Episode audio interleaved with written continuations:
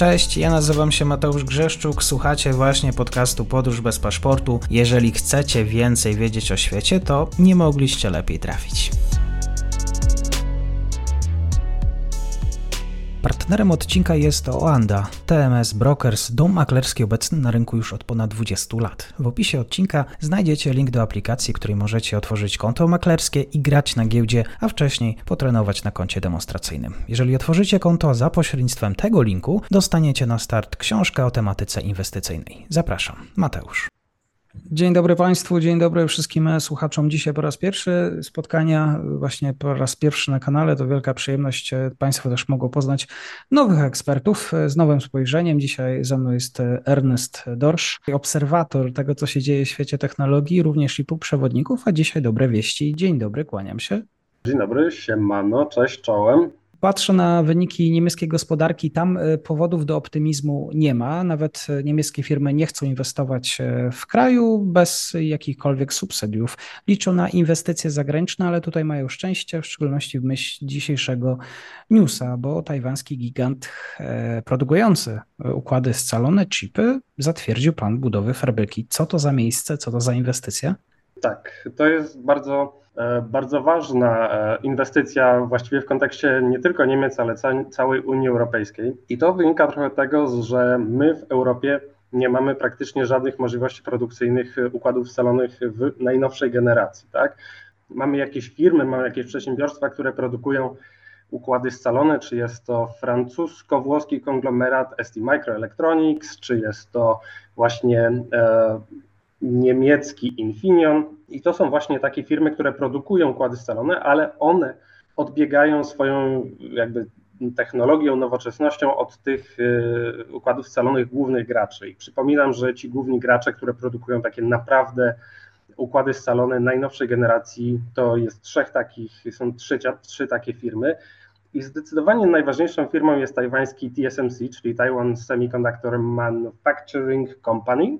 Y, jest jeszcze koreański Samsung, no i lekko odstający z tyłu, ale cały czas dobrze się trzymający Intel z Ameryki. I dzisiaj właściwie ogłoszono, że e, po wielu staraniach w Niemczech swoją fabrykę tak naprawdę, z tym jest odrobinę, e, odrobinę ciekawsza, e, ciekawsza historia, ale otworzy TSMC, czyli zdecydowanie najważniejszy gracz, jeśli chodzi o układy scalone i otworzy się w Saksonii. Warto też powiedzieć, że Saksonia już śmiało można powiedzieć, że staje się taką europejską doliną przemową, ponieważ w Saksonii swoje siedziby mają też Global Foundries, czyli właściwie dotychczas największe, największe przedsiębiorstwo amerykańskie, które produkowało układy scalone na niemieckiej ziemi.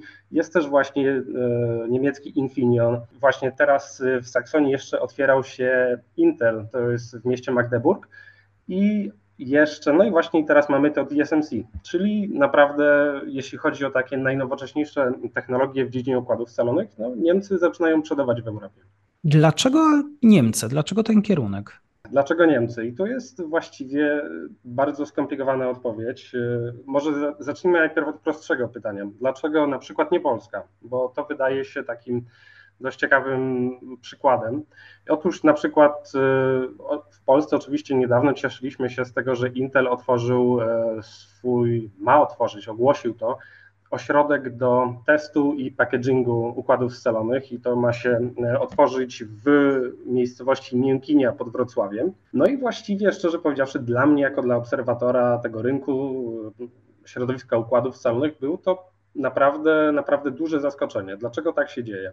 Po pierwsze, właściwie jeżeli mówimy o inwestycjach w układach scalonych, musimy, mamy takie trzy najważniejsze elementy. Jednym elementem jest e, jest po prostu subsydia, jest kasa, którą potrzebują wydać konkretne państwa, żeby zachęcić e, międzynarodowe przedsiębiorstwa do inwestowania w tych krajach, ponieważ oczywiście takie najnowocześniejsze fabryki typu TSMC, one kosztują około 20 miliardów e, dolarów. Tutaj w przypadku tego TSMC w Niemczech mamy do czynienia z 10 miliardami dolarów, to będzie w całości, ale to nie jest najnowocześniejsza fabryka. To już tam możemy opowiedzieć, co tam będzie robione, ale to nie będzie robione robione właśnie jakieś 3 nanometry, 2 nanometry, tylko będzie robione bardziej 16 nanometrów, 12 nanometrów, czyli powiedzmy, że to jest coś, co jest tam, nie wiem, około 6 lat starsze niż to, co obecnie dzieje się na rynku. Czyli tak jak wspominałem, po pierwsze konieczne są finansowanie, konieczna jest kasa i w porównaniu do, Niem do Republiki Federalnej Niemiec Polska tego nie ma. Drugą rzeczą są, e, jest e, rynek zbytu. I oczywiście tutaj w przypadku tej fabryki TSMC ona będzie produkowała układy scalone głównie do przeznaczeń e, automoto, czyli to będą wszystkie do samochodów, czy to będzie jakieś właśnie bardziej takie do fabryk typu Internet of Things, czy coś takiego, czyli to też nie będzie taki top-notch układów, jak na przykład daje się do serwerów, daje się do, nie wiem, do laptopów, czy, czy czegoś tam. Nie, nie, nie, to będzie bardziej do e, automoto. Czyli potrzebujemy rynku zbytu, potrzebujemy kasy. No i trzecia, zdecydowanie najważniejsza, najważniejsza rzecz, to są ludzie. To jest, y, jak to niektórzy ludzie lubią mówić, kapitał ludzki. I jeśli chodzi o Europę, Niemcy mają stosunek y, inżynierów niemieckich do ich jakości jest tak naprawdę, no nie ma, nie ma, najlep- nie ma lepszego kraju w Europie. Tak? Po pierwsze, ci Niemcy są E, bardzo dobrze wyedukowani. E, w Polsce, w Polsce, w Polsce edukuje się mikroelektroników, ale jednak e, trochę odstajemy tym poziomem od europejskiej czołówki, tak jak Niemcy, czy Belgia, czy Holandia. No i przede wszystkim nas jest mało, a Niemcy naprawdę produkują tego dużo, szczególnie w Dreźnie, gdzie w Dreźnie jest Uniwersytet TU Dresden, Technische Universität Dresden. No i rzeczywiście, jeśli chodzi o europejskie standardy, to jest czołówka i, i, i, i tam, tam szkoli się wielu niesamowitych naukowców, wielu niesamowitych inżynierów, więc od razu tam będzie jeszcze dostęp do wykwalifikowanej siły roboczej.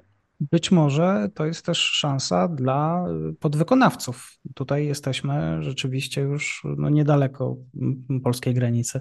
To będzie, duże, to będzie duże wyzwanie i duża szansa dla wielu różnych podwykonawców. I taką ciekawostką jest, że zaraz po ogłoszeniu tej nowiny przez Ministerstwo Republiki Federalnej Niemiec, ambasador Niemiec w Czechach ogłosił, napisał takiego tweeta, że to jest duży krok dla całej Europy w dziedzinie uniezależnienia się od dowca, dostaw układów scalonych z Azji. I e, to jest też szansa między innymi dla Czech, tak? On to napisał dla Czech, ponieważ e, jest ambasadorem czeskim. Natomiast, natomiast jest rzeczywiście duża szansa dla, e, dla podwykonawców terenów około właśnie saksońskich, tak? Jest to w szczególności mamy tu na myśli Wrocław czyli e, Miękinie i to jest duża szansa zarówno jak i dla Politechniki Wrocławskiej, żeby szkolić, no ale to oczywiście do tego potrzebne jest wsparcie państwa, tak, i potrzebne jest, żeby polskie państwo prowadziło jakąś e, interesującą i przemyślaną politykę industrialną, no a z tym nie wiadomo trochę jak jest, nie wiadomo trochę jak jest. Inwestycja, o której dzisiaj rozmawiamy, te dobre informacje dla Niemiec, one też w pewien sposób pokazują pewien e, no, model biznesowy, w jakim e, chcą działać e, nasi sąsiedzi. Pewnie byłaby pokusa na to, żeby potraktować to jako element, powiedzmy, europejski projekt, tudzież Niemcy mają swój pomysł na to, jak ściągać biznes. Wydaje mi się, że tutaj na przykładzie półprzewodników i tego, jak, w jaki sposób one są traktowane w Unii Europejskiej, e, doskonale widać różnice geopolityczne pomiędzy Francją a Niemcami, czyli że rzeczywiście ta polityka europejska jednak nie jest spójna i każdy swoją rzepkę skrobie, każdy chce w trochę innym kierunku to pójść, e, to poprowadzić. No i e, na przykład parę miesięcy temu Emmanuel Macron spotkał się z Markiem Rutte, czyli premierem Holandii, który niestety już nie jest, niestety lub stety już nie jest urzędujący. I Emmanuel Macron miał taki pomysł, żeby podpisać kontrakt z ASML-em, czyli z holenderskim dostawcą naświetlarek do fotolitografii i żeby robić właśnie te półprzewodniki nowoczesnej generacji gdzieś jako europejska firma we Francji, żeby to było cały czas jakby czysto i wyłącznie europejskie. Natomiast Niemcy mają inny pomysł. No i Niemcy zamiast tego, zamiast to robić jakby czysto europejsko, oni ściągnęli sobie największą tajwańską firmę, która produkuje te układy scalone i doskonale to pokazuje, że, że ta polityka Unii między innymi w sprawie półprzewodników też nie jest jednorodna. Co jeszcze warto powiedzieć o tej firmie? To jest też konglomerat wielu innych mniejszych e, biznesów i tutaj słowo jeszcze o pieniądzach, które zostaną w Saksonii. Jasne. To przede wszystkim warto powiedzieć, że to, co ma powstać, to nie jest tylko zwykłe TSMC, jak na przykład robione jest w Arizonie w Stanach Zjednoczonych, gdzie ta fabryka TSMC, która ma powstać w Stanach Zjednoczonych jest czysto, ma, ma należeć w 100% do Tajwanu.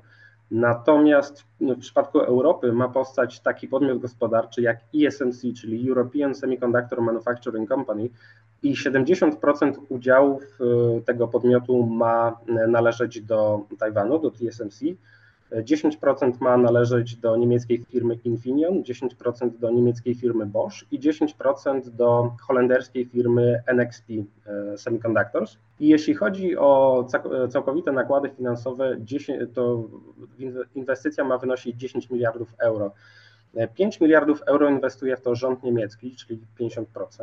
3,5 miliarda ma na to wydać Tajwan, ma na, ma na to wydać e, TSMC i 1,5 miliarda euro e, mają, mają wyłożyć wszystkie trzy pozostałe spółki razem wzięte. I e, rozpoczęcie produkcji planuje się na 2027 rok.